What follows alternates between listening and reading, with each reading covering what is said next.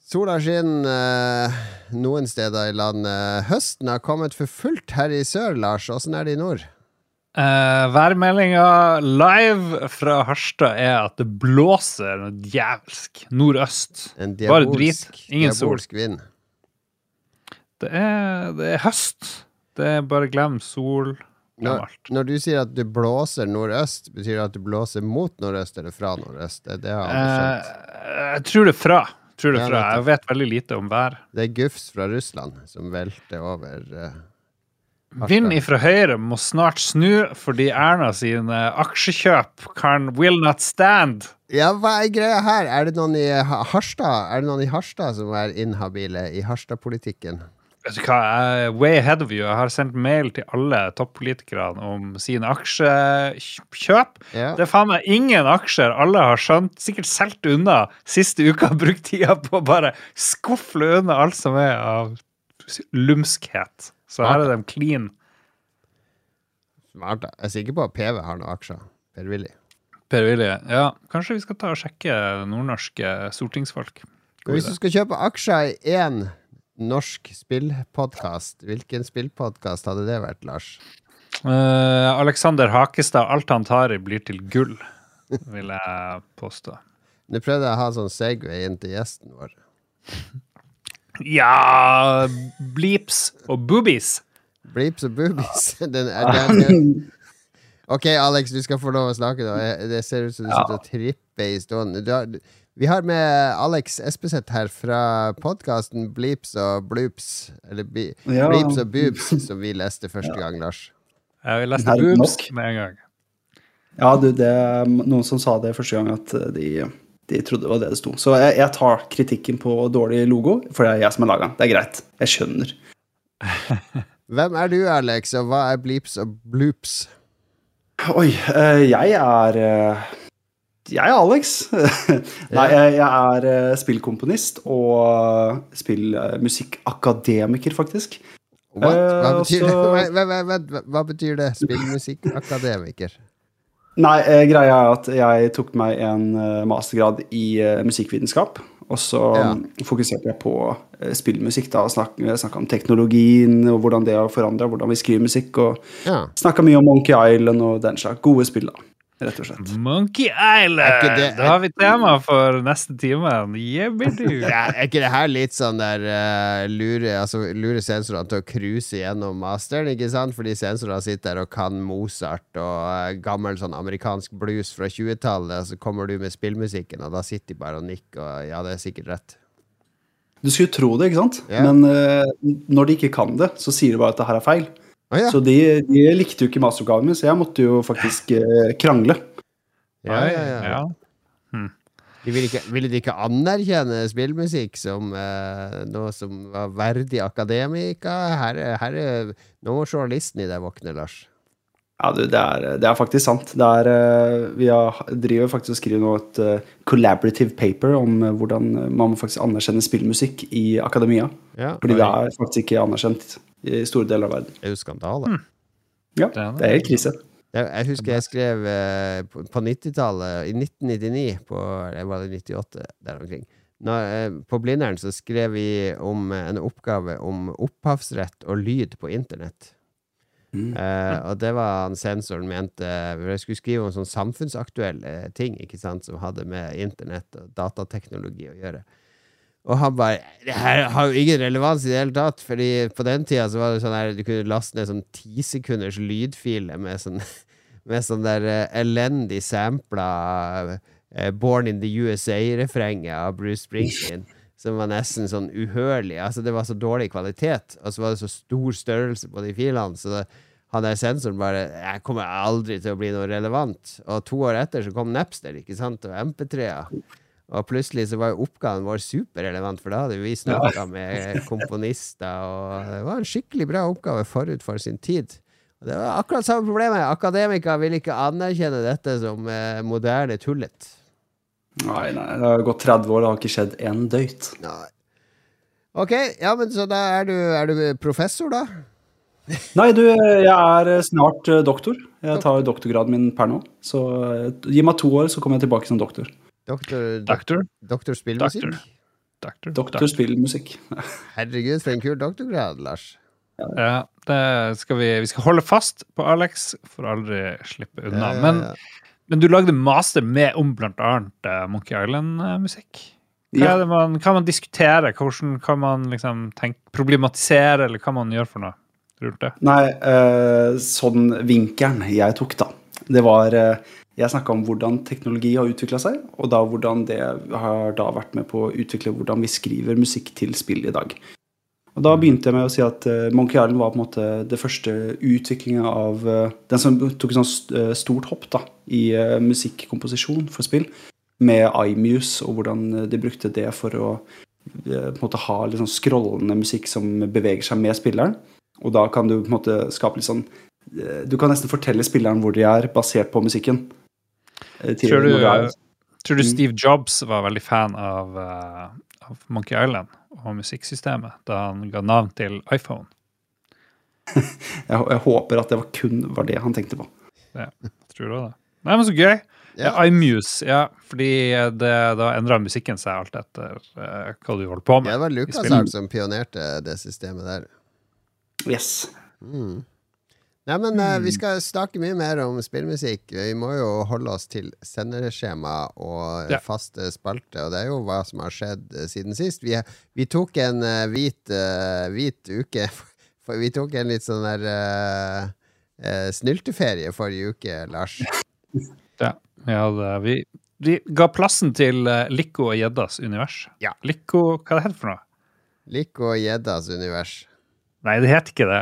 Det heter noe helt annet. Det heter Licos univers med gjedde. Ja, ok. Det er en av eh, de mange podkastene i containeren til Lolbua, for vi har fått beskjed nå om at vi kan ikke kalle det paraplyen. Vi er en stor søppelcontainer med, Ja. med podkaster. Så gøy. Ja, og, og da vi ga de eh, plassen forrige uke fordi de har nettopp etablert seg i egen feed, og hvis det ga mersmak, eh, de to herremennenes Jeg vet ikke hva de prata om forrige uke, det var sikkert noe crafting beer og noe slow cooked pulled pork og Det er jo Jeg tror det bare er det det går ja, på. og noe fisking og jakt og De prater ikke om spill, så hvis du Hvis du hvis, hvis du Jeg vet ikke hvorfor du hører på det her hvis du ikke er interessert i å høre om spill, men Vi eh, snakker jo ikke så mye om spill, for å være ærlig. Uh, legg de til i feeden din, da, hvis det var interessant, for de prøver å bygge opp sin egen following nå. De har forlatt redet, står nå på egne bein, så da ga vi de en liten boost forrige uke. Og så var det litt deilig òg, da, for vært uh, Du var jo veldig opptatt med valget, Lars, og jeg Mm. hadde Mm. var alene hjemme med barn hele uka, og kona var på ferie i Italia, så vi sleit med å finne et tidspunkt som passa. Ja, ja. Valget, valget er overstått. Eh, jeg er nå en ekspert i å ha politiske debatter, og gleder meg til om fire år hvor jeg kan lede min tredje debatt. Ja, for du må vente fire, for du, har ikke, du gleder deg ikke til stortingsvalget. Nei, Det blir ikke så mye debatt i Harstad om stortingsvalget, tror jeg. Nei. Men jeg kan prøve. Ja.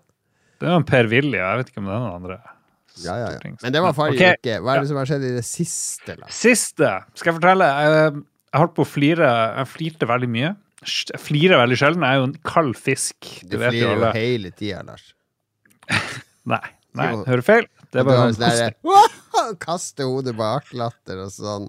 Og OMG og det er, Du er en av de jeg kjenner på topp fem-lista mi over de som flirer mest av vennene mine. Jeg har egentlig Tourettes, har jeg. Så det er bare Folk ler av min Tourettes. Men OK, nok om det. Um, ingen offense til de med Tourettes. Veldig glad i dere. Uh, jeg satt hos moderen, Ja. og så satt vi og så på TV. Det var noe sånn Skal vi danse, eller hva et eller annet. Og så sier moderen, ut av det blå, jeg holdt på å få sjokk. Hva i all verden, Lars? Hvorfor har du ikke tatovering? sier hun. Oi. det, Du kunne jeg- Ja.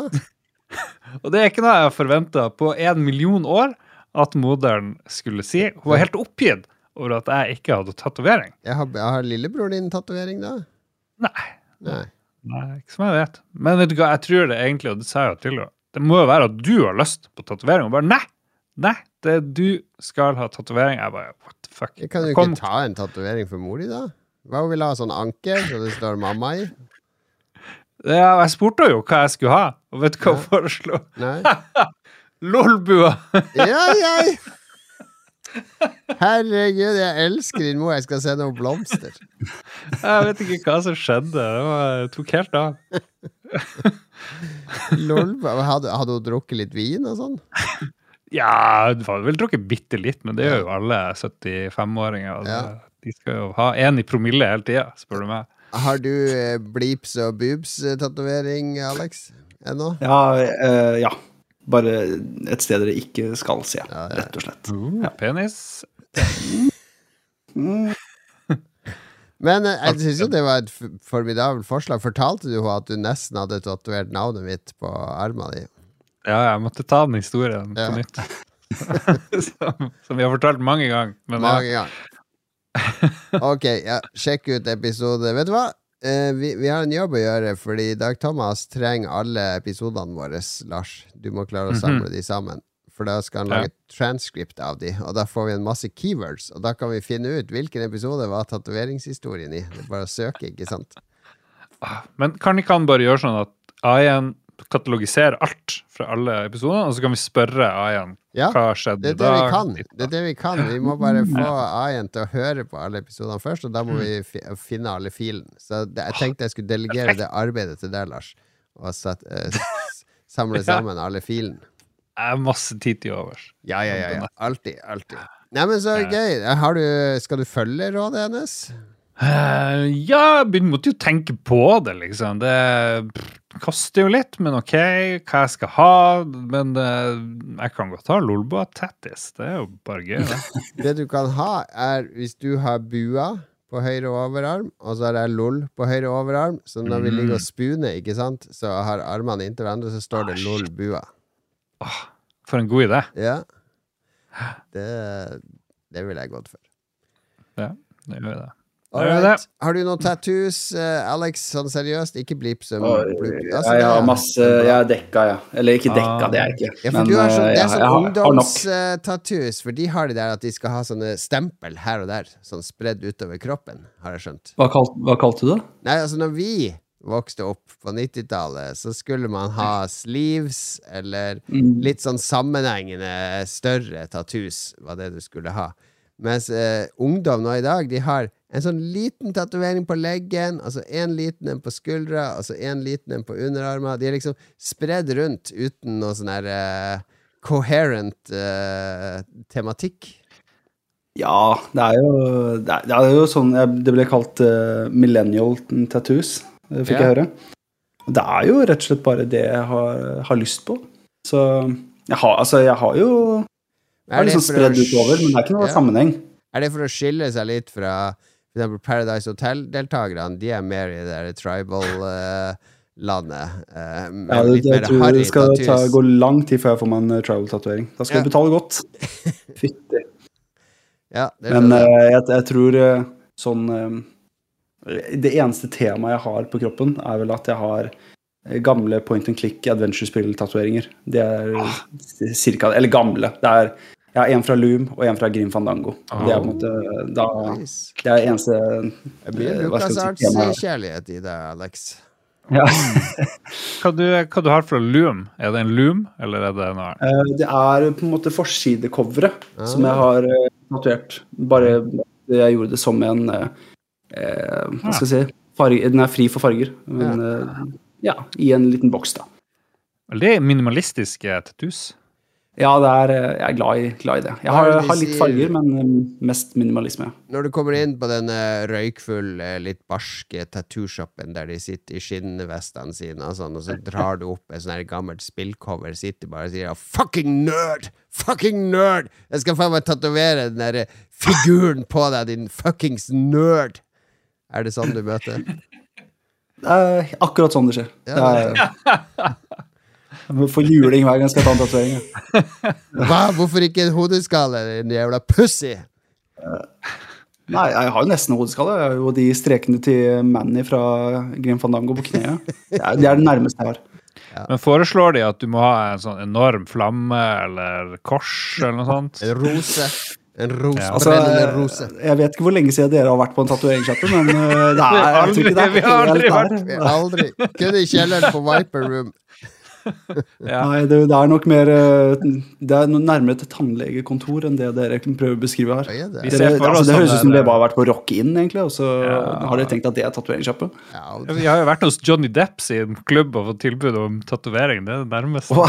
vi ja, har ja, ja. Viper Room i LA. Der la, jeg ga de bort gratis tatovering i kjelleren. Det var der vi nesten tatoverte. Oi, oi, oi. True story. Hva var det som holdt dere fra å gjøre det? Nei, vi måtte drikke oss til mot, og når vi var fulle nok, så stengte de sjappa. Å drikke fort Er ikke Nei, nei, nei. jeg trodde dere var norske. Drikke fort. Ja, ja, vi gjør, det har vi alltid gjort. Nei, men eh, bra, bra, eh, Lars. Det er vi gleder vi til å følge. Altså, vi åpner gladelig Patrion-kassa for en Lolbua-tattoo, Lars.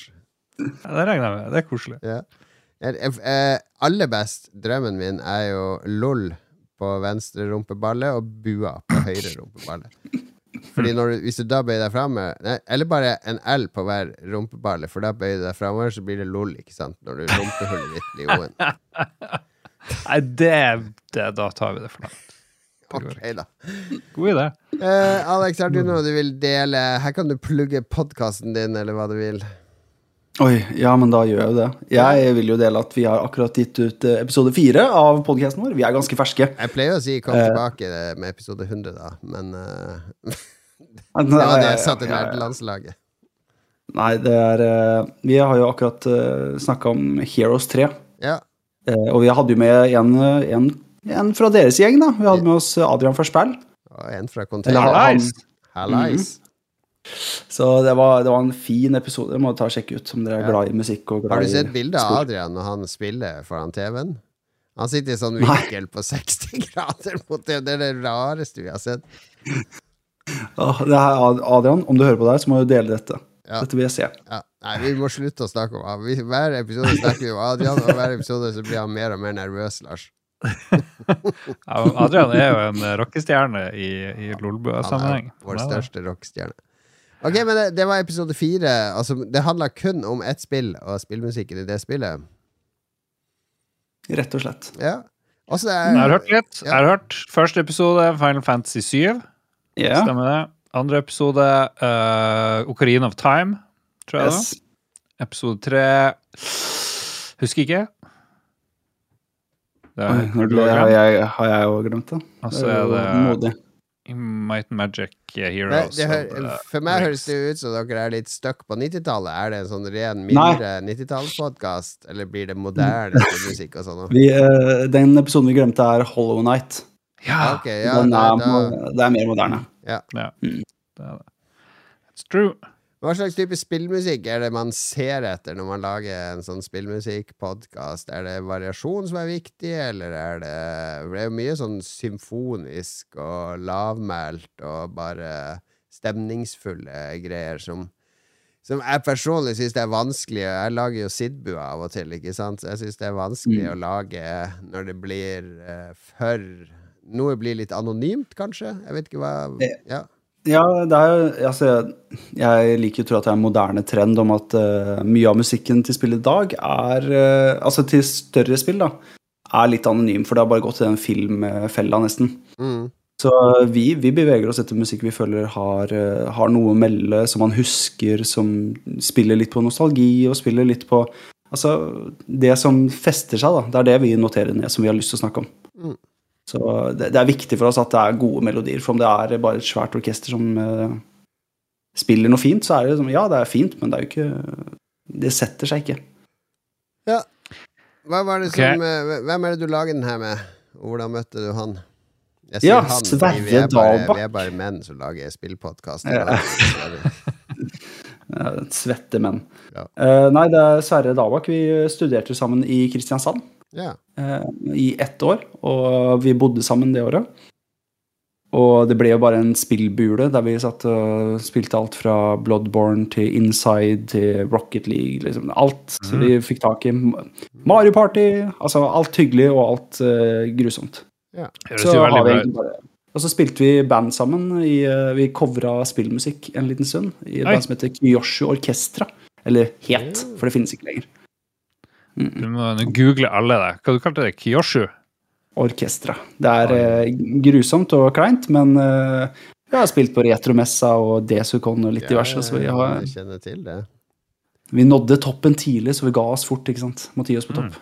Og så ble det Åssen fant dere på å lage podkast? Nei, jeg hadde lyst til å Jeg har flytta nord, og han er eh, nede i eh, Oslo-Fredrikstad-området, så hadde vi lyst til å henge. Så tenkte vi å gjøre noe gøy sam samtidig. Ja, det er jo samme insentiv som vi hadde, Lars. Hørtes veldig kjent ut. Ja, ja nøyaktig samme. Det er veldig god utgangspunkt. Nei, blips uh, og bloops vi skal, snakke, bloops, vi skal snakke mer om, uh, om spillmusikk senere. Jeg har, uh, jeg, har en viktig melding til alle patrions. Viktig melding! som er på sveppertid eller over, for nå er sveppegavene kommet. Uh, en eske som står bak meg, som du, Lars og Alex, kan se. En svær, diger eske som jeg var og henta i øspøsregn i går. Som uh, nå er klar til å eh, pakkes i små pakker og sendes til Patrions. Men det er, um, det er en uh, sp- eh, Sveppegave denne gangen er noe som skal kles på overkroppen. Så at uh, det går ut en melding akkurat nå på Patrion i kveld. Altså Når du hører denne episoden, så ligger den og venter i innboksen din på Patrion, der jeg trenger eh, T-skjortestørrelsen din. Så du må Mhm. melde inn T-skjortestørrelsen innen søndag denne uka. Altså søndag eh, Hvilken dato er det nå? 19, 20, 21, 22 24. september. Og så blir alt sendt ut i starten av uh, neste uke. Og det betyr at hvis du sitter på gjerdet og ennå ikke er Patrion, hvis du klarer å komme deg på den sveppertieren nå før uh, innen søndag og sende inn T-skjortestørrelsen din når du registrerer deg der, så får du også sveppergave. What? Uh, vis meg T-skjorta, så kanskje jeg Ja, smeller meg på. Hemmelig, hemmelig design. Det er, det er design av vår eh, kjære eh, Celine nede i, eh, Mm. i uh, Fredrikstad. Og det er jo egentlig ikke en T-skjorte, men man ber jo om T-skjortestørrelse fordi det handler om sånn pushup, male pushup bra. Mail Ah, push-up, yes. bra. Ja. Bra, bra, bra. Eh, ja, da skal vi kjøre litt spillmusikk her. Det er så gøy vi har sånn spillmusikkkyndig gjest, for da trenger jeg ikke å si hva låten heter, for han kan heller si det etter vi har, oh, nei, og presset. etter vi har spilt den. Så vi, vi koser oss med litt eh, spillmusikk.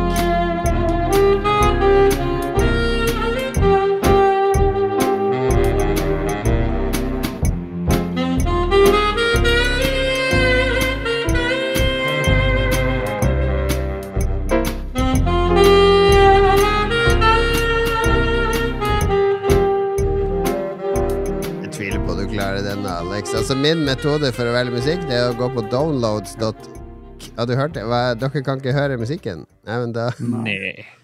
da skal du i hvert fall slippe å gjette.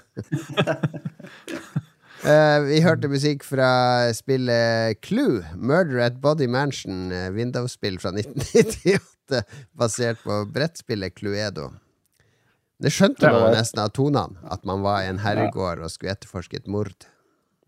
Nei, da var jeg tre år, så da hadde jeg ikke gjetta uansett, tenker jeg. Herregud. Tre år i 98, tenk på det, Lars. Ja. Det som er artig, det er at vi er veldig glad i spillmusikk, men vi legger minst arbeid i hvilken musikk vi spiller i denne podkasten. Ja, ja, vi gjør det. Men vi er opp, av og til oppdager vi perler ved å ha denne random-metoden. Så vi får se. Nesten aldri, egentlig. En av hundre er bra, det. Det er mer enn vinner i Lotto. Gjør jo det. Spillmusikk. Her har du uh, tatt lead som uh, investigative reporter, Lars. Yeah, boy! Du skal jo pumpe oss opp som Fredrik Solvang. Eh, Jeg jeg er lei av at Tror du Fredrik Solvang står og hopper og slår seg på kinnene og sånn før sending? Og, ja. Ja, Ja. så nå blir det hardtslående spørsmål. Vi skal arrestere eh, gjesten vår. Det er mulig jeg misforstår det her med å ha en gjest i en podkast, men for meg så er det her uh, valg. Vi Du har grilla politikere nå i to uker, så du har den der Ja. grilleholdninga fortsatt. Ja! Innrøm! Nei da, det er ikke så det er ikke, Skal vi se. Spørsmål nummer én. Har dere lagt merke til at Fredrik Solvang aldri sier spørsmål nummer én? Det burde han gjøre, Ja. for å være helt ærlig. Sånn at folk klarer å følge med og notere hjemme og svare ja eller nei. Fordi alle mine spørsmål er nå ja eller nei. Skal vi se. Hva er din favorittfarge? Nei da. Skal vi Ble bare tull her. Eh, Bygde det for kraftig opp eh, med spalten der. Vi må ta det helt ned. vi det helt ned. Kan ikke vi begynne å snakke om den første spillmusikken du la merke til? Hva liksom var da du begynte å tenke at oi, nå, spillmusikk det er jo noe verdt å bruke tid på, liksom? Tenker du da på første som jeg merka som barn, som jeg satte pris på? Hva som helst. Her, er det åpent. Det er ikke sånn Fredrik Solvang oi. svare. Eller, eh, det, er, det er jo en grunn til at du har tatt eh, Du driver med, med master i spillmusikk og, og jobber deg mot en doktorgrad innen spillmusikk. Så hva er det som har trigga det? Ikke sant? Det må jo ha vært noen Noen opplevelser med spillmusikk som har ført deg dit. Ja, altså det var jo Som uh, hvert eneste barn på 90-tallet, så var det sikkert det jeg først noterte meg, var vel Pokémon Rød. Ja. Så det er jo der det starta. Det var jo første spillet Nei, du, nå ljuger jeg. Nå ljuger jeg som Fy faen. Uh, nei, jeg må si det første spillet jeg noterte som var uh, Musikken var uh, sabla bra i, var Crash Bandicoot 2 til PlayStation. Det var det. Klassikeren Crash det Bandicoot 2. Yes, jeg ble født inn i en familie med PlayStation 1, så da var det vanskelig å unngå. Det hvem som lagde musikken der? Jeg, likte jo Crash 1 og 2 og spilte det masse. Kan ikke, ja. Mye, mye lyddesign, da, men selve musikken Ja. Det, Det er, det er jo litt sånn jungelstemning. Litt Sånn eh, beats. Mye beats, det er gøy. Ja, ikke sant? Det er den stemninga her. Nei, jeg, skal eh, jukse meg til å si at det er han eh, eh, Josh Mansell som har gjort musikken der. ja. Mm. Så gøy. Og så Pokémon Rød. Da er vi liksom Da er vi i trygge sånn RPG-japanske omgivelser. Eh, som jo alle driver og liker, egentlig. Det er vanskelig å ikke like det hvis du skal først bli sånn spillmusikknerd. Da må du like RPG, japansk musikk, eller må du det? Ja, ja altså nei, du må like altså, Du må ikke like spilla, men du må like musikken. Eh, men jeg, må jo gi masse creds til eh, Pokémon, for det førte meg inn i å like RPG-er, og da endte jeg opp med å finne de uh, jeg vil påstå som har satt uh, mest inntrykk på meg, som er sånn Earthbound, Chrono Trigger, Final Fantasy 6, men 3, men 6, men 3. Eh, det, det er som Pokémon har jo ledet meg til å faktisk sjekke opp de eldre tinga, da. Ja. ja. Hva er det, hva, hva er det som står igjen uh, Har du noen bautaer, liksom? Det her er de beste spillsoundtrackene som fins.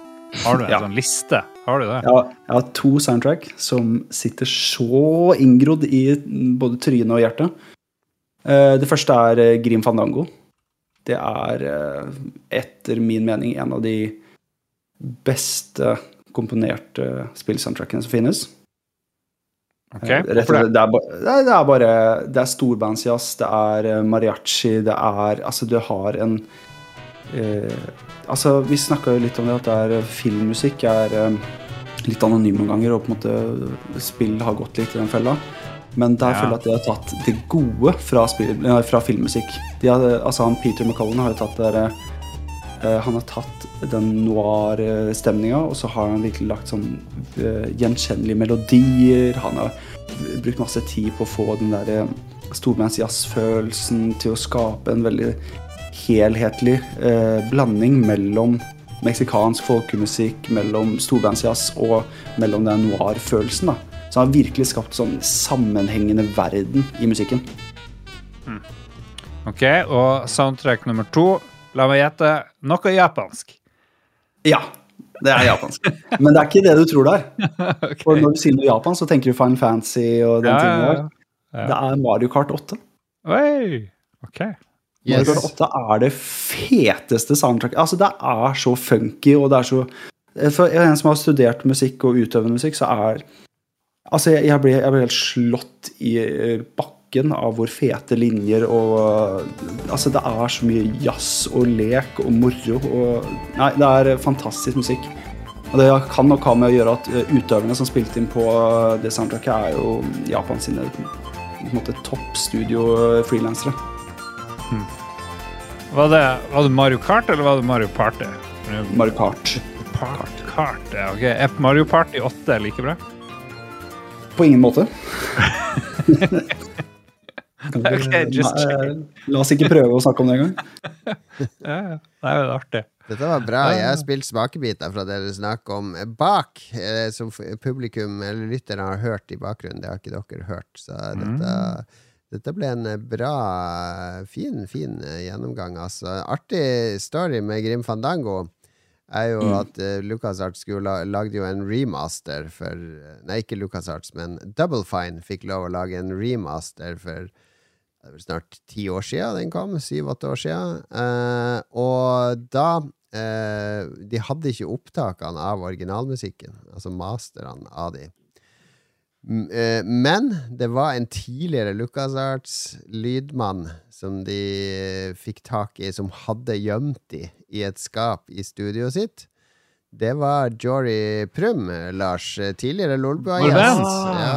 Eh, amerikaner som forelska seg i Norge og flytta til Norge og var med og, og bygde opp eh, lydmiljøet i Norge. For vi har veldig mange gode lydfolk på spill i Norge.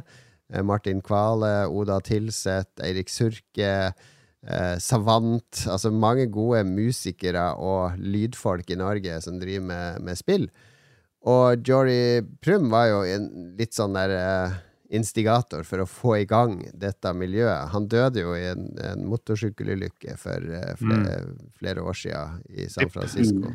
Dessverre. Men han, han var med i en uh, Lolbua-episode der vi intervjua han om dette, og han snakka om uh, hvordan han fant disse mastertapene, og Tim Shafer og de ble hoppende glad, for da kunne de remastre musikken og, og hele den pakka der. Mm. Nei, jeg, jeg møtte jo Jory et par ganger før han eh, gikk bort. Og det, jeg er jo også en del av det miljøet, det Gain, da, som det har fått navnet. Mm. Og det er, eh, nei, det er en fantastisk eh, ting han starta, som vi fikk lov til å dra videre. Så det, jeg er veldig glad i det miljøet. Han var en sånn utrolig frisk pust i den introverte norske spillbransjen, der han bare kom og tvang folk til å snakke sammen, og uh, dytta folk i, sammen i gruppe. Og nei, nei, det, nei men det, det er gøy at du også kjente han. Han var Mm. en fin stemme. Det er litt artig at du nevnte det der med spillmusikk og filmmusikk. Fordi jeg tenker at det, det Hvor ligger vi an? La oss først ta det, da. Hvor ligger vi an? Hva er best i dag? Spillmusikk, filmmusikk? Har det liksom jevnet det seg ut? Spør du meg? Ja, Eh, det er jo spillmusikk. Det er ikke det er et spørsmål. spillmusikk. Ok, ja. Men min, min, det jeg tenker, det er at veldig mye spillmusikk har nå blitt litt sånn Det har latt Det blir litt for mye påvirka av eh, filmmusikk. Fordi Mm. Før så var det ikke noe tvil om du hørte på musikken fra et spill eller en film, fordi teknisk sett så var det ikke mulig liksom å, Mm. å gjøre de greiene. Er det, er det, var spillmusikken mer særegen før, eller har man liksom klart å holde på sin særegenhet nok, syns du? Jeg, jeg tror at uh, spillmusikk er like særegent som det, er, eh, som det var før. Uh, men så har du på en måte de som gjør det Gjør det sånn som eh, Hollywood ønsker det, og hvordan å på en måte få det storslått. Men jeg tror eh, det som holder på særegenheten, er jo Nintendo, Square Enix, uh, indie-scenen. Det er på en måte alle Det er så, det er så mye mer eh, Hva heter det Mange flere som holder på de gamle tradisjonen, men med et oppdatert lydbilde. Ja, Så de tar vare på hvordan det var før, men klarer men, å revampe det. da, da blir det mer eh, sånn dogmeaktig eh, Mm. eh, eh, ramme de lager for seg sjøl, for å holde seg innenfor, ikke sant? Fordi jeg tror det Lars hinter til, er jo Og vi er Herregud, du som var tre år i 98, men meg og Lars som vokste opp på 80-tallet Når Rob Hubbard lagde musikk til Commodore 64, så hadde han eh, 4K, 4 kilobyte til rådighet til musikken, for resten måtte brukes av spillet. Og så måtte han jo basically programmere musikken manuelt og manipulere denne lydchipen til å lage de lydene han ville, og få til harmonier og alt sånn. Det var en Mm. annen eh, En annen, helt annen prosess begrensa av hardware før. Helt til Jeg mener jo Tony Hawk og de spillene som kom, var som paradigmeskifte. For plutselig var det jo bare Mm. å ta musikk rett fra en CD-plate og spille som soundtrack i spillet. Og jeg følte personlig på 90-tallet at vi mista noe da, når eh, CD-kvaliteten kom og midien forsvant. Men du, jeg, jeg vet ikke om du har en sånn der uh, formening om det skillet der. Altså hva, hva hvordan, uh, hvordan identifiserer du moderne spillmusikk som uh, jeg, jeg, vet ikke hva vi snakker om nå lenger, Lars. Ja, bare la han snakke. Eh, jeg, jeg, jeg tror jo uh, Altså, jeg har vært så heldig å ha fått uh, snakka med både Rob Hubbard og Matt Gray og mange fra den scenen der. Og de er De hadde jo en egen måte å måtte skrive musikk på, fordi det var jo basert på limits, eller Mm. Og det, jeg tror jo at begrensninger er mye av det som fører til den beste musikken du kan skrive. Ja. Så derfor tror jeg at mye av den måten å skrive musikk på er videreført Ja. til det moderne scenen.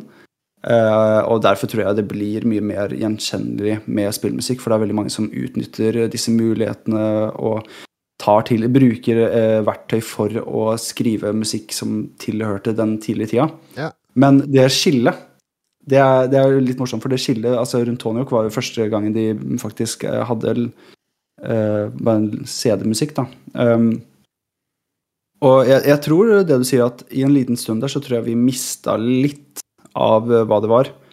Fordi det var, det var kult å lisensiere musikk og gjøre det, gjøre det den veien. For det var kult å ha ekte artister med på spill, ikke sant. Mm. Men jeg tror det gikk veldig fort tilbake. Fordi det, jeg tror den mediaen er så uh, mer åpen for å ha en, en egen vri og kjøre sin egen greie på. Mm. Så uh, derfor tror jeg på en måte det snudde veldig fort. Og så var det jo også mange, dere mange av disse musikerne fra 80-tallet som ikke De klarte seg ikke når begrensninger ble tatt bort. Altså Rob Hubbard og Galway og de, de komponerte ikke veldig mye bra etter de Oi, nå, nå har vi tilgang til uh, synthesizere og ordentlige instrumenter, og vi kan lage så komplekse låter vi vil. Da forsvant noe av det der eh, minimalismen som tvang de til å være Mm. kreative.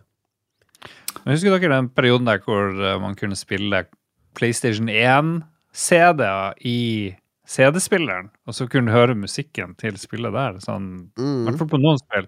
Kunne du høre Vib Ribbon-soundtracket plutselig, og så Mm. kunne du høre Wipeout-soundtracket, og da var det plutselig en sånn bitte liten periode hvor spillmusikken liksom var helt annerledes, selv om den var CD-kvalitet, og den var liksom mm. uh, sånn, hvor den, den, den gjorde et eller annet merkelig. Så forsvant det, gikk det veldig fort uh, bort. Jeg gjorde det motsatt. Jeg spilte jo av eh, CD-plater i PlayStation og hørte på musikk. Jeg brukte PlayStation som en eh, CD-spiller. Mm. Ja, Men det er lyset, var det? Hva er det for noe? Da du? Ja, det var- ja, det var sånn uh, visualizer av musikken. Det var veldig fancy. Det var kult på Xbox eh, 360 òg, så var jo visualizeren laga av Jeff Minter, hvis du skulle spille musikk Mm. på den. Ja, det var Ja. Ja. Nei, Nei, men nå koser vi oss, Jon Cato. Ja, skal vi call Ja. it eh, quits og gå over til hva vi har spilt siden sist? Ja. Da får vi spille en låt som Alex kjenner på vei inn.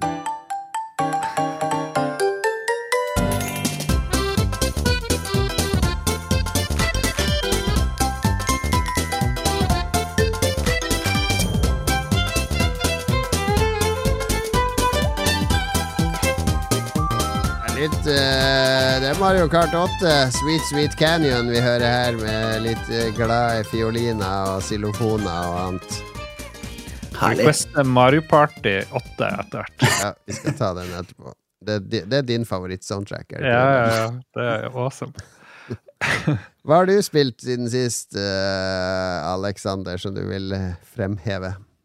Ja, jeg er eh, Jeg har spilt et eh, kanskje litt sært spill for veldig mange, men det heter uh, Shin-Chan. Me and the Professor on Summer Vacation. Det er, Chan. Shin-Chan. Ja. Det er et veldig, veldig sånn japansk spill, der du rett og slett bare går rundt og har det gøy i Det er vel sånn tror jeg, 30 dager eller noe, så skal du utføre litt ting, og det skjer masse rare forskjellige japanske ting. Du slåss med dinosaurer og masse greier, men du er egentlig bare en gutt som er på sommerferie. Eh, det er jo basert, det er jo samme skaperen som har lagd et uh, spill, uh, spillserie som heter Boku no Natsuyasumi.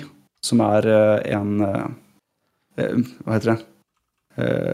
My Summer Vacation, tror jeg det bare oversettes til. Som bare kom ut i Japan.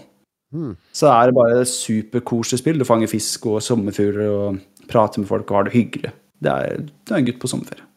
Skal liksom hører det, være sånn nostalgisk og koselig.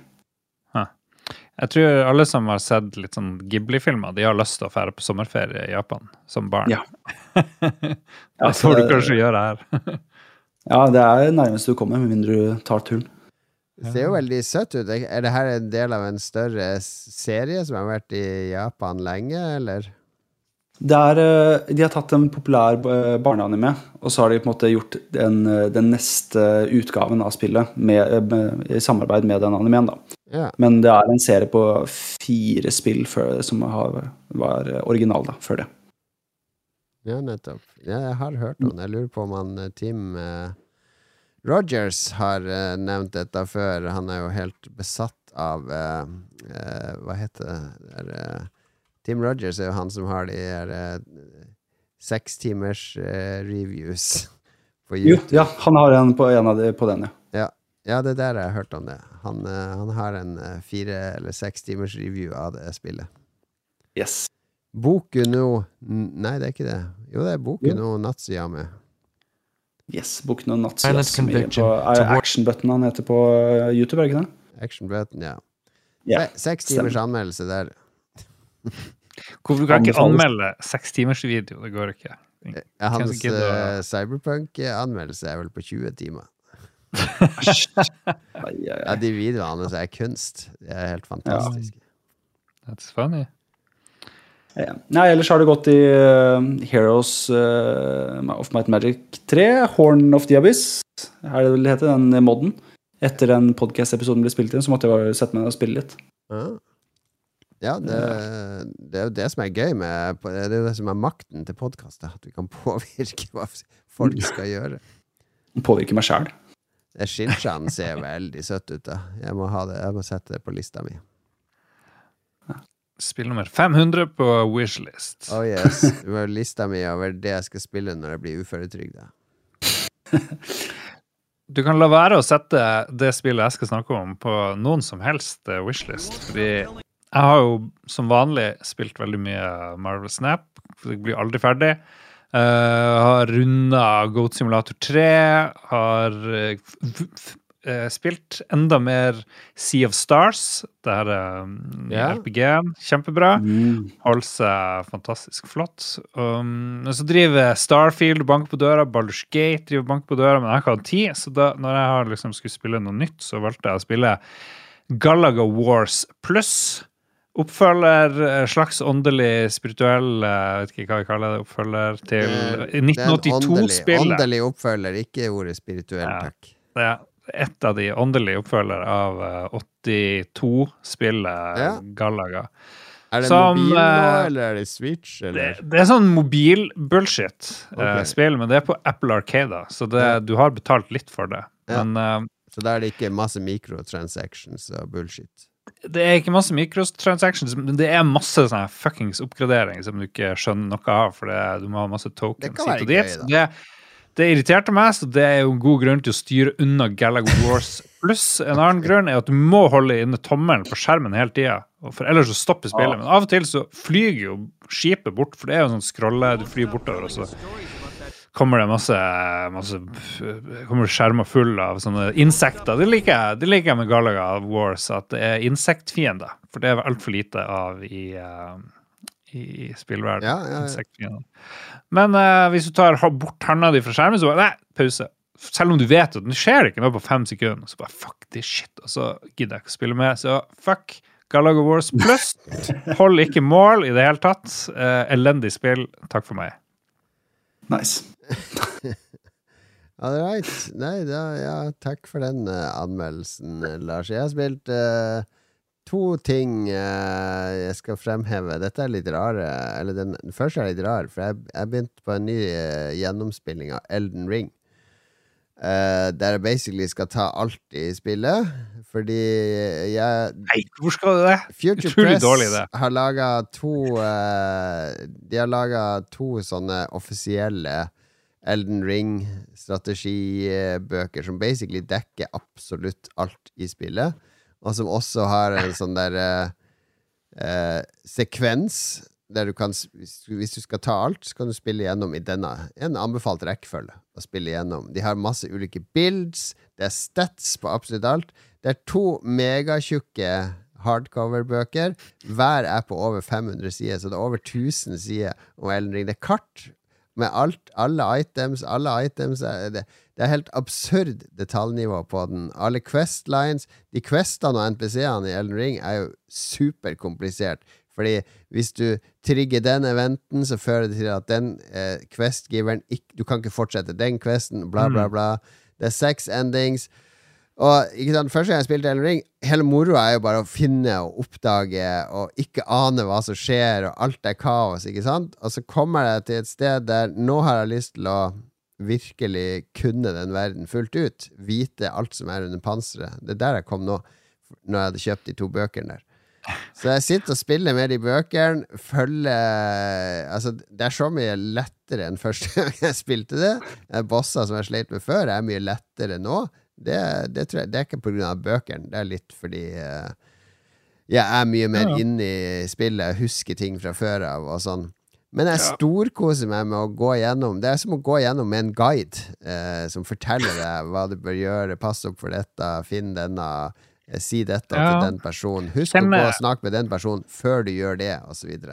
Kjenner folk til de guidene? For det var jo liksom, når du kjøpte Final Fantasy, så kjøpte du gjerne ofte en guide som du fikk fant på Ja. en eller annen spillsjappe, og det var jo veldig gøy uh, ofte å ha de da. De Men, heter The Lands Between, og det er Future Press som uh, har, har laga de. Og det, de var rett og slett for mye innhold til å lage én bok, så derfor er det to bøker på over 500 sider hver som refererer til hverandre hele tida.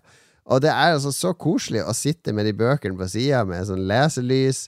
Så spiller jeg gamet, og så sjekker jeg boka og leser meg litt opp. Og, og, og begynner, jobber meg oppover med den bilden min. Jeg kjører en sånn dexterity-bild på denne playthroughen. Så det, det, er, det har gått fra å være det stresspillet til å bli sånn kom, komfortspill med de bøkene. men hva, hvor stor prosent, prosentsjanse er det for at du fullfører en sånn 100 uh, gjennomspilling? For det her blir jo å ta 500 timer. Ja, vi får se. Men nå kommer jo Cyberpunk-rebooten igjen, og den skal jo også spille, og ja, det, du vet nå åssen det er.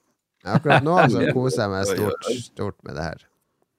Ja, så det er bare jeg som gleder meg til Mario RPG. Det er, liksom, det, er det jeg ser frem til. Ja, ja, Dere- det ser artig ut, det òg. Men jeg, har så vidt prøvd noe annet òg, eh, på mobilen. Fordi det har kommet noe som heter Monster Hunter Go. Jeg er jo veldig glad i Monster Hunter-serien, og Monster Hunter Go er jo Niantic, som sammen med Capcom har laga. Det er basically Pokémon Go i Monster Hunter-drakt.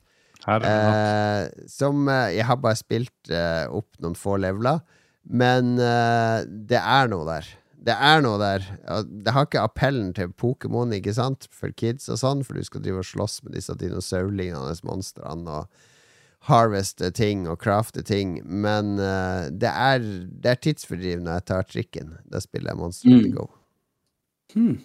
Det må jeg sjekke ut. Ja, nytt, fresh, fresh på AppStore og Android Store, så absolutt ta og sjekk det ut. Og sjekk også ut den låten her.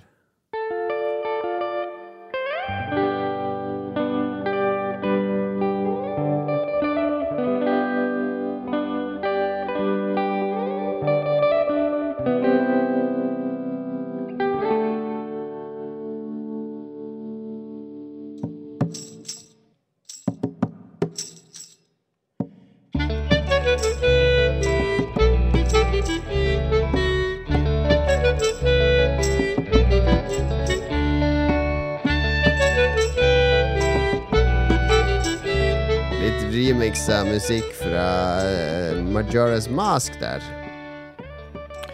Utrolig fet låt. Hvilken låt var det, Alex? Du kjenner jo den igjen. Det var bare den beste låta, det. Ja, det var det. Trenger ikke si så mye mer enn det. Ok, da er det lytterspalten. Vi må inn på Facebooken vår, Lars. Ja, jeg er der. Jeg er der. Lytterspalten. Um, spørsmålet var uh, Vi snakker om spillmusikk i dagens opptak til Lolbua. Uh, vi skulle egentlig gjøre det her for to uker siden, eller noe sånt. Så det, folk har fått god tid til å si om uh, folk bryr seg om musikk, og hva er deres favorittspillmusikk. Så det skal vi få. Masse kommentarer. Ja, ja, ja. Kosti Eriksen, musikken er utrolig viktig. Del folk er veldig opptatt av spillmusikk. Og han drar frem eh, to første God of War-spillene. Det er jo litt Mhm. artig. Uh, og så selvfølgelig Monty on the Run fra Commodore 64. Oh yes. Eh, Men den, tror du han tenker på uh, de God of War uh, Ragnarok og det andre, eller de gamle, gamle God of War? Ja, det lurer jeg på. Kasti er jo en veldig pertentlig fyr, så jeg vil jo tro han er en av de første til PlayStation 2, eller hva de Ja, kaller det. PlayStation 2. Eller? Det husker jeg E3 jeg var på første E3 der noen drev og maste om var dra og se på det God of War. Jeg syns det så dødskjedelig ut. Ja. Sånn er det. Ja. Hva er professoren sin dom over God of War-musikken? Oi. Uh, nei, jeg syns den uh, oh, Nå tråkker jeg på veldig mange følelser, men uh, nå har ikke jeg veldig stort forhold til God of War. Du er akademiker. Det, følelser har ingenting med akademia å gjøre. Det er, den er ikke, det er ikke den som setter seg best. Den er litt anonym, og jeg skulle ønske at det var ja, litt, litt mer, litt mer memorable musikk i det, rett og slett. Bra spill, da. Boom. Boom. Alexander Mortensen, han uh, Monkey Island, uh, mener Riktig. at musikken har vært en viktig bidragsyter til at det spillet ble så bra. Uh, han vil også fremheve Superfrog på Amiga, og Pinball Dreams, og Pinball Illusions og Fantasies. Det har jo minneverdige soundtracks til de ulike banene der. Og så Divinity Original Sin 2 mener han har et av de beste soundtrackene til et spill. Og det er vel sikkert samme komponist som Baldur's Gate eh, 3, vil jeg tro. Det må jeg sjekke ut, for det har jeg ikke hørt før. Det, det er jo typisk fantasy-soundtrack, men uh, jeg, kan ikke si uh, Kan ikke si at jeg husker det så godt. Hvor mye ødela eller hjalp eh, John Williams uh, scoring av spill og film og sånne ting, Alex? Liksom Gjorde han bare rent bord på alt? Ja, altså, i, nå, nå spør du nå om hvor mye han bidro, eller hvor mye han fikk av jobb? Er Nei, to men hvor mye han bidro, hvor mye han endra, Driver liksom. ikke en masse folk og kopierer John Williams i disse pomp, litt pompøse, tematiske soundtrackene? Jo, det gjør de. Og jeg vil ikke si at det er til det gode, dessverre. For det er eh, det, jeg, Som vi har snakka om, jeg bare føler at sjela til spillmusikk hører ikke helt hjemme i Hollywood-musikken. John Williams er jo fantastisk komponist, men jeg føler at han hører mer hjemme i lineær media, om jeg får være så stygg. Å, ja, det, nå er vi inne på det jeg var ute etter. Fordi jeg har sett på det der eh, Det er sånn ny NRK-serie der de skal, noen malere skal male portretter av kjendiser. Og så skal liksom Mm. kjendisene velge favorittportrettet sitt etterpå. Der er det en sånn ung, 20 år gammel maler som er veldig kunstnerisk, og så spør han der eh, som blir malt så der eh, Liker du Munch og sånn? Nei, jeg er ikke så begeistret for Munch. Det var, der, det var der du ville, ikke sant, Lars? Det var der du ville. Litt sånn dissing av, eh, av Ja, ja, ja. Nei, altså, de er flinke komponister. Ikke, ta, ikke, ikke misforstå.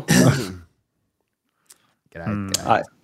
All right. Eh, Brage Joakimsen Pedersen, han lurer på hvordan eh, spillkomponist er den dårligste i hele verden? Nei, han, spør, han, han mener at maskinarium, maskinarium er the shit. Eh, Ja, han det er det. veldig stemningsfull musikk i det spillet. Jeg trodde jeg skulle si at han mente at det var dårlig, men ja, det er fantastisk. Herlighet for et Nei, utenfor akademika så sier man ofte at hvis noe er the shit, så er det det motsatte. At det er kjempebra. Ja. Mm. Oh, ja, er det det det betyr? det, så er det akademia, ikke akademika. Ja, ja, kanskje ja, ja, professor Olsen der. ja, ja. Ja, nå disse arbeidsmannen som, eh, som bare sier det folket tenker.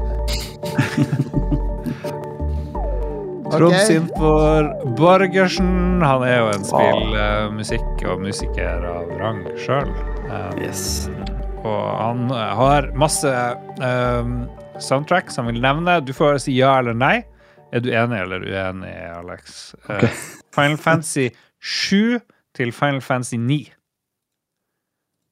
Eh, Altså, jeg, om jeg er enig om det er bra eller dårlig? Ja. Uh, 7 og 9 er veldig bra. ok?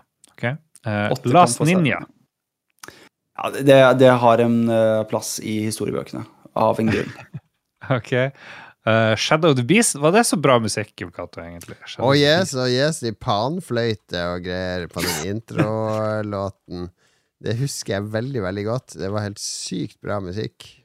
Mm. Det er så bra at eh, lytterne får høre den i bakgrunnen nå mens du prater. Ah, shit.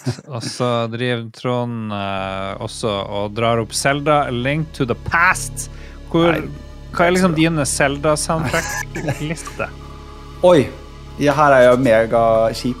Fordi jeg, eh, som jeg snakka om i Ocarina of Time-episoden vår, så har ikke jeg spilt igjennom. Og jeg syns det er bra musikk, men det er ikke et spill for meg.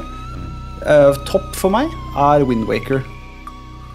Det er fantastisk og et fant. Og musikken Og herre fred. Ja, bra. Ja.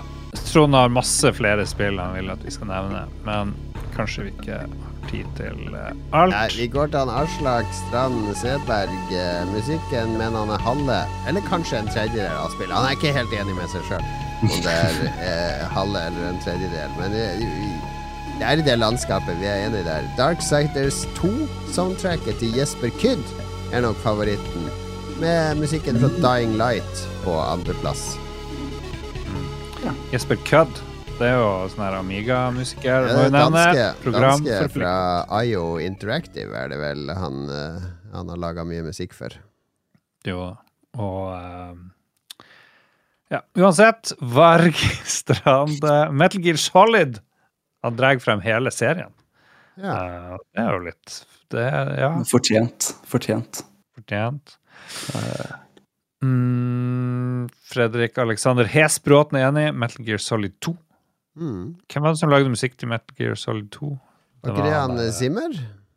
Det var en sånn Simmer-protesjé eh, som Kom var med, i ikke. Simmer inn eh, i et eller annet Metal Gear-spill? derre Harry Gregson Williams. Ja, Harry eller hva Gregson heter var det, ja. Harry Gregson Ja. eh, junior, eller noe sånt. Ja. Mm. Men han er jo en sånn Harry der, Gregson Williams. Han er til og med så stor fan av John Williams at han tok navnet hans. ja. Men jeg tror han jobba med han, han Simmer. Jeg tror alle som lager musikk, har vært hos Hans Zimmer. Gregson Williams lagde jo også musikken til The Rock. Ja, det er Mm. faen meg awesome. Si hva du vil om filmmusikk, men The Rock-soundtracket oh! oh! oh! OK. Espen. Bråtnes, eh, den er litt spesiell. Musikken i Unreal Tournament. Ok. Kjør debatt, Alex.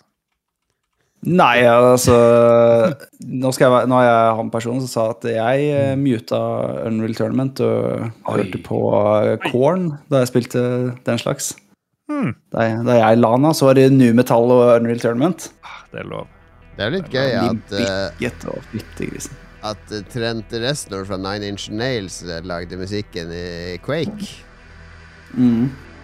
Det var også, det var også kult, husker jeg, når det kom ble sånn her Oi, en ekte musiker som lager spillmusikk. Ja, men det, det var jo sånn uh, i Spire også, så var det jo trommisen i The Police som lagde hele soundtracket. Oi. Det er, uh, det er, det er jo steinbra. Og, men han fikk jo mye mer oppmerksomhet fordi han var en profilert musiker. Ja, ja, klart. klart. Moro. Bjørn, Bjørn Bjelland uh, vil fremheve all bossmusikken fra Dark Souls. Oi. Dark Souls er ganske mørke soundtrack. Ganske minimalistiske eh, lydbilder som bare skal fremme vemmelse og ubehag. Ja. Mm, jeg tipper Alex hater alle Dark Souls-musikken. Det er altfor mye orkester. Kjedelig. Nei, jeg, er, ikke- jeg er ikke imot orkester, det er ikke det vi skal fram til her i dag. Jeg liker orkester. Slutt. Uh, jeg, men uh, Hva er det dårligste uh, instrumentet i et orkester? Det er uh, triangel. Boom! Boom! Så alle som spiller triangel, bare slutt. bombs Det er, som regel er de som spiller triangel, en del av perkus perkusjonistrekka. Ja, skal, du, skal du komme her og skolere meg nå? Er det det som skjer? Det er, eh, Oi, shit! Professor! Oh, shit! Oi, oi, oi. Det blir bra. Nei, men nå koser vi oss. Skal vi se hvor vi er nå. Ja, Getta Boys mener at det totale lydbildet blir skapt i samspill mellom musikk, bakgrunnsstøy og gameplay. Snake Eater som avsluttes akkurat når du kommer opp trappa. Intensiteten i Megolovania er perfekt timet i Undertale. Og generell From Software sin bossmusikk er nærmest en symbiose med kampene. Favorittene hans er A Pirate I Was Never Meant To Be eh, fra Monkey. Ja. Pirate I oh, Ja, fantastisk. Men eh, jeg, jeg trigges litt av at han eh, kaller bakgrunns... Altså lyddesign for bakgrunnsstøy. Der, eh, der må jeg arrestere Ja, han sier det er samspill mellom musikk, bakgrunnsstøy og gameplay. Fordi det er jo ofte et lydbilde fra omgivelsene i spillet sammen med musikken. For eksempel trafikklyder eller Der har du en doktorgrad om bakgrunnsstøy sammen med Men det er jo ikke støy. Det er jo design. Ah, Ok, ok. Ja. Magnus spør, Eide Sandstad spør ikke om spillmusikk, men han lurer på om vi foretrekker flesk og duppe eller fersk suppe. Det er et godt spørsmål. Godt spørsmål. jeg vet ikke om jeg har spist flesk og duppe. Det er bare sånn der de spiser i, eh, i Ja, Elling-filmene. Nei, det klarer meg uten, ja. Har ikke noe. Uh, Jarle Haktorsson har det viktigste innspillet i dag. Han vil at vi skal huske Knulla kuk'-modulen modulen fra Amiga, Oh, som yes. er en veldig bra låt, faktisk, med et fantastisk navn. Um, elsker spillmusikk, sier han Jarle. Hvert år toppsjanger på Spotify. Mm. Herlig. Mm, mm, mm. Espen Fuglem, intromusikken til Last Guardian fanger Mm. perfekt stemningen av håp, men samtidig kommende utfordringer. Mm. Den, eh, det, det er faktisk et soundtrack jeg husker litt når jeg spilte spillet. Men det er jo et spill som tvinger deg til å føle hele tida, så Ja. musikken er jo komponert eh, Føl mer! tror jeg han har stått og ropt i øret på komponisten. More feels! More feels! Kristoffer Carlsen vil fremheve soundtracket til Paradise Killer. Det, det er jo det er et relativt nytt spill som eh, jeg og du har spilt i spillklubben en gang, eh, Lars. Om noen sånne, noen sånne guder som eh, Ja. har en mordgåte og noe greier. Det jeg husker Kult det var artig soundtrack òg i det. Ingenting av soundtrack. Det har ikke jeg spilt. Det så jo faktisk litt gøy ut. Og så nevner han Per Søvik Bill Brown, som er en sånn TV-composer. Men han har kanskje lagd eh, Windows XP startup-lyden. Lagde han. Det er kanskje det han tenker. Ja, det er Fortjener plass i himmelen for det. Det er ikke spillmusikk, det er operativsystemmusikk, eh, Per Søvik. Det er en annen episode av Lolbua. Det er fortsatt jævla bra. ja. Azim, Så- ja. uh, musikk og generelt lydbilde er uhyre viktig for både film og spill. Spillet kan være så bra det bare vil, men det hjelper lite hvis det blir brukt generisk copyright-fri musikk og lyder man forventer fra et cash grab mobilspill. Nøkkelordet er særpreg. Minecraft med Sonic sin butt rock-musikk eller Hotline Miami med jazzmusikk hadde nok ikke vært like ikoniske. Sterke meninger fra Sim. Er copyright-fri musikk dårligere enn copyrighta musikk? Ikke nødvendigvis. Ah. Eh, Det, er, det spørs jo hva du finner. Det er mye bra copyright-free musikk, men eh, det er, det er Altså, jeg har jo troa på at et originalt eh, soundtrack er vel alltid det sterkeste, for det er gjort for det visuelle. Mm, Det er skapt sammen. Det er helt riktig. Vi har mange flere innspill her, Lars. Jeg vet ikke om vi rekker Ja, å ta med vi så rekker mange. ikke alt. Nei. David Skaufjord nevner Dune 1 og Dune 2 Ja. Uh. Mm. Absolutt. Som vel er- Helt forskjellig, men uh, ja. Quest for Glory 1, Mm. Monkey Island 1, og så videre. Og så han avslutter med alle låtene fra Guitar Hero. Ja, favorittspillmusikk. Det Det er er mye bra musikk det. Åh. Ja. Ingen som nevner Mario Party 8 her. Jeg skjønner ikke hva som skjer. Det er god grunn til det. Du skal få litt Mario Party 8, Lars. Slapp av. Skal finne ut det. Er det en spesiell låt fra Mario Party 8 du vil ha?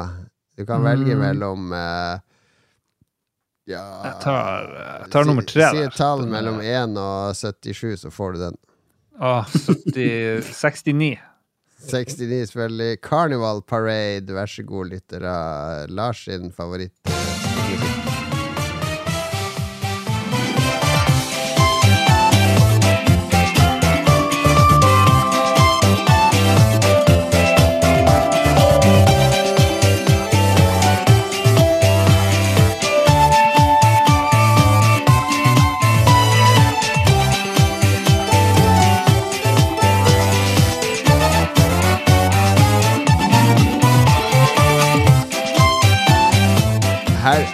Mistenker at de ikke hadde samla de beste studiomusikerne i Japan til å spille inn det soundtracket, men det kan være jeg tar feil. Jeg syns det var helt konge. Det, var, det sendte meg tilbake til Debussy. Vi, eh, Klar, klar linje. Vi er på siste spalte, og det er anbefalingen. Og Lars, dette er så Jo. lavmål at du får bare begynne, Fordi da, da går det bare opp etter din. Vet du hva, Det er en curveball jeg sender til dere, fordi jeg har skrevet i sendeskjemaet at jeg anbefaler snus. Men det jeg gjør, det er selvfølgelig å slutte med snus! Slutt. Har du slutta igjen? Slutta igjen. Slutta igjen. Har ikke snust på over en uke. Oi. mitt triks er å se meg sjøl i speilet, og da jeg slutta, og så sa jeg hver gang jeg tenker på snus, så skal jeg tenke Gud, så glad jeg er for at jeg slutta. Og så har jeg gjort det, og så har jeg programmert om hjernen min til hver gang jeg tenker at jeg har lyst på snus, så tenker jeg automatisk Å, så glad for at jeg Hvor mange ganger har du drukket øl på den siste uka? Én uh, gang. En gang. Da savna du snus, Ja. tenker jeg. Nja Det er verst på jobb, hvor, da, hvor Ja. alle snuser. Det er helt jævlig. Men uh, når vi havner på hytteturen uh, om en måneds tid, det, det kommer til å bli helt umulig. Det, Oi.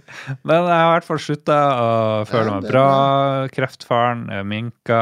eh, og ikke minst bruke, slippe å bruke sånn 100 kroner dagen ish på snus. ja, ja. Som, eh, Jeg har jo, jeg har jo ikke spist én sjokoladebit eller ett potetgullflak siden eh, 29. juli. Wow. Her, eh, på et par dager så har jeg spist de her to sjokoladeplater. Det blir litt mer sånn når du har slutta å snuse. Ja, det gjør det. Ja. Må, Nei, må gjøre opp. Ja. Good for you, eh, Lars. Slutt å snuse. Hva du sa Jeg sier good for you. Ja, bra. tusen takk. Eh. Alex, har du snust? Er du en snuser? Jeg prøvde snus én gang, kasta opp og ble likblek, og det var det. Typisk millennial. Ok. Det var sånn det var. Typisk gamling. Ok, jeg skal ta anbefale Jeg må tilbake til Elden Ring. For jeg, jeg, for jeg må anbefale to ting. For det første så anbefaler jeg de her to bøkene, The Lands Between. For det er de mest gjennomførte guidene jeg har sett i mitt liv. Og en fornøyelse bare å lese. Og det er intervju med han, eh, eh, han, han Miyazaki som står bak spillene. Og det er law. Og det er story, og det er de questlines med full transcribe av all dialog. Og det er sykt kult å bare dypdykke ned i hvordan Det er som en sånn konspirasjonsteorivegg med masse sånne røde tråder. For plutselig så begynner jeg å få oversikten over den verden. Og det, det er veldig gøy. Så jeg anbefaler de to bøkene. Og da vil jeg samtidig anbefale, fordi egentlig skulle jeg Min go to-butikk er jo Outland på sånne her nerdeting, for de er gode til å importere. Så sjekka jeg Outlands sin nettside. Hva koster disse bøkene? Jo, de skulle ha 998 spenn per bok! Så jeg bare What?! Fordi de koster jo sånn 45 euro eh, fra forlaget eller på Amazon. Så bare, hvordan i all verden Altså, jeg husker jo i sin tid, når vi handla på Outland og Spillspesialisten og sånn, så var det jo vanlig når vi kjøpte tegneserier, Lars, at hvis en tegneserie kosta to dollar, så var det ganger ti. Da var det 20 kroner. Ikke sant? Det var dollar ganger ti. Nå var jo dollar nede i seks. Så jeg, jeg skjønner jo at det kanskje er litt mer nå. Kanskje vi må ta dollaren ganger 12 eller 13, eller Ja. kanskje 5 Men dollar ganger 25, da begynner det å bli en fuckings gigantisk avanse, Outland. Så jeg bare Vet du hva, jeg, jeg har så lyst på den boka, men 1000 spenn per bok. Så jeg begynte å søke litt på nettet. Ok, jeg kan kjøpe det direkte fra forlaget i England, men så driver de eh, Tollvesenet og Posten og alle disse statlige gribbene, ikke sant? Bøker skal være momsfrie, men hvis det er for mange illustrasjoner i en bok, så er det ikke en bokbok. Da skal det være moms på den. Så sånne guidebøker og sånn, de er ikke momsfrie. Hva er det for noe? Hva er det for noe å legge seg opp i? Dette er like mye kultur og litteratur som, eh, som Vigdis Hjorth og alt det andre rælet som, som, som skal ut i bokhyllen. Så, så ikke sant, det er akkurat som uh, i, på skolen din. Blir ikke anerkjent som uh, kultur.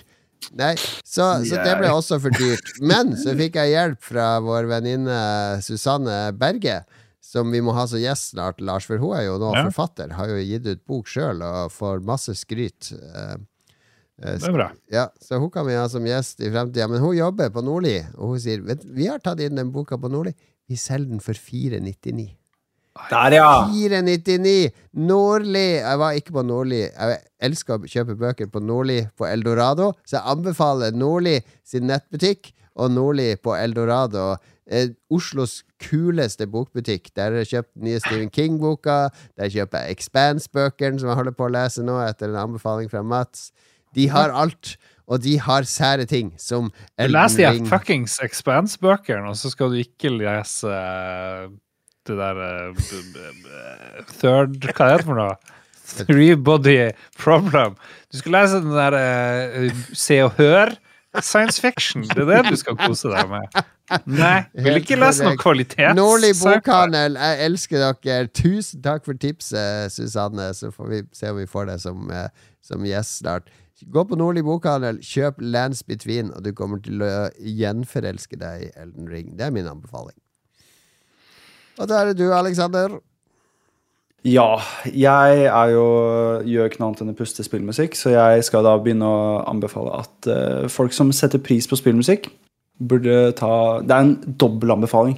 Ja. Fordi nå skal jeg anbefale dere to YouTube-kanaler. Eller det er én artist og én YouTube-kanal. Om dere liker spillmusikk og teori bak det, så burde dere sjekke ut eh, 8-Bit Music Theory på YouTube.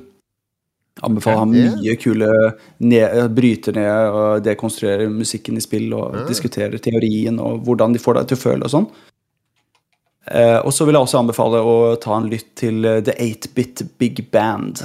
Veldig kul musikk som de tar og gjør et, eh, tar et profesjonelt storband fra New York og spiller da rearrangeringer av spillmusikk. Mm. Men med dette så kommer jo, eh, som vi, mange av oss eh, gamere, og spesielt eh, retrogamere, får jo ha, ha en litt sånn samlemani. Eh, så bare beware for å begynne å samle på spillmusikk på vinyl. Uff. Ah. Det medfører, om det begynner å ned, komme ned i dette rabbit-holet det, er, eh, det har brukt svidda en del tusenlapper på vinyl rett og slett, de siste med åra. Dette er jo Lars sin kjepphest, så nå må jeg holde Lars Ja. igjen her. Ja, det Jeg trenger ikke ta det, men eh, OK. Nei. Ja. All right. Supergode anbefalinger, og tusen takk eh, til deg, Alex. Eh, Strålende gjest. Mm. Superhyggelig å kunne være med. ass. Nå skal jeg se Vi, må, vi avslutter alltid med å takke våre produsenter. Skal vi se nå på Nå, skal du nå får du noe på Messenger her. Det er nemlig navnet på våre produsenter. For nå er det en god idé, Lars. For nå Ja. skal, vi, vi skal vi takke alle sånn som Barbershop. Ikke sant? Så hvis jeg begynner ikke sant, og sier eh, hello, og så sier Lars hello, Hello. og så sier Alexander hello. Hello. Ja, ikke sant? Ja. Så gjør vi det med navnene deres. Nå har vi lista der. Ser du den, Alex? Yes. Da prøver vi. Kan jeg begynne på den første?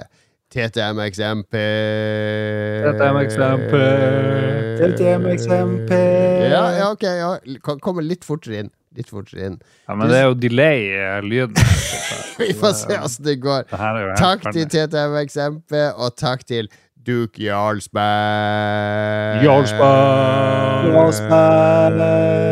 Ja, det ble fint. Det ble fint. Og takk til Christer Lysaker. Christer Lysaker. Christer Lysaker. Ja, ja, ja, ja, ja. Og tusen takk Stakkars folk som må høre på det.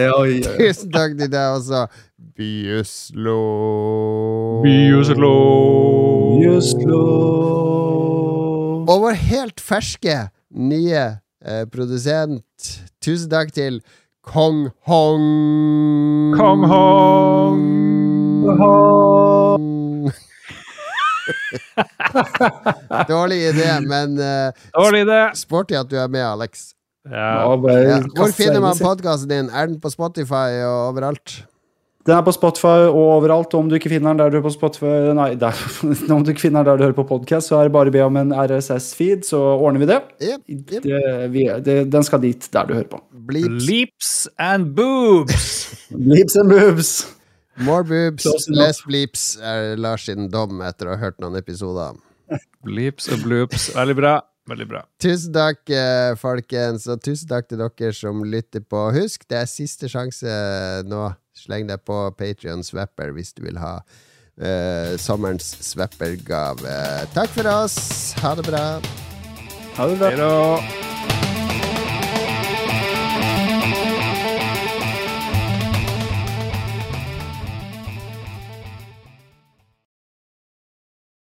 Har du et enkeltpersonforetak eller en liten bedrift? Da er du sikkert lei av å høre meg snakke om hvor enkelt det er med kvitteringer og bilag i fiken, så vi eh, gir oss her, vi. Fordi vi liker enkelt. Fiken superenkelt regnskap.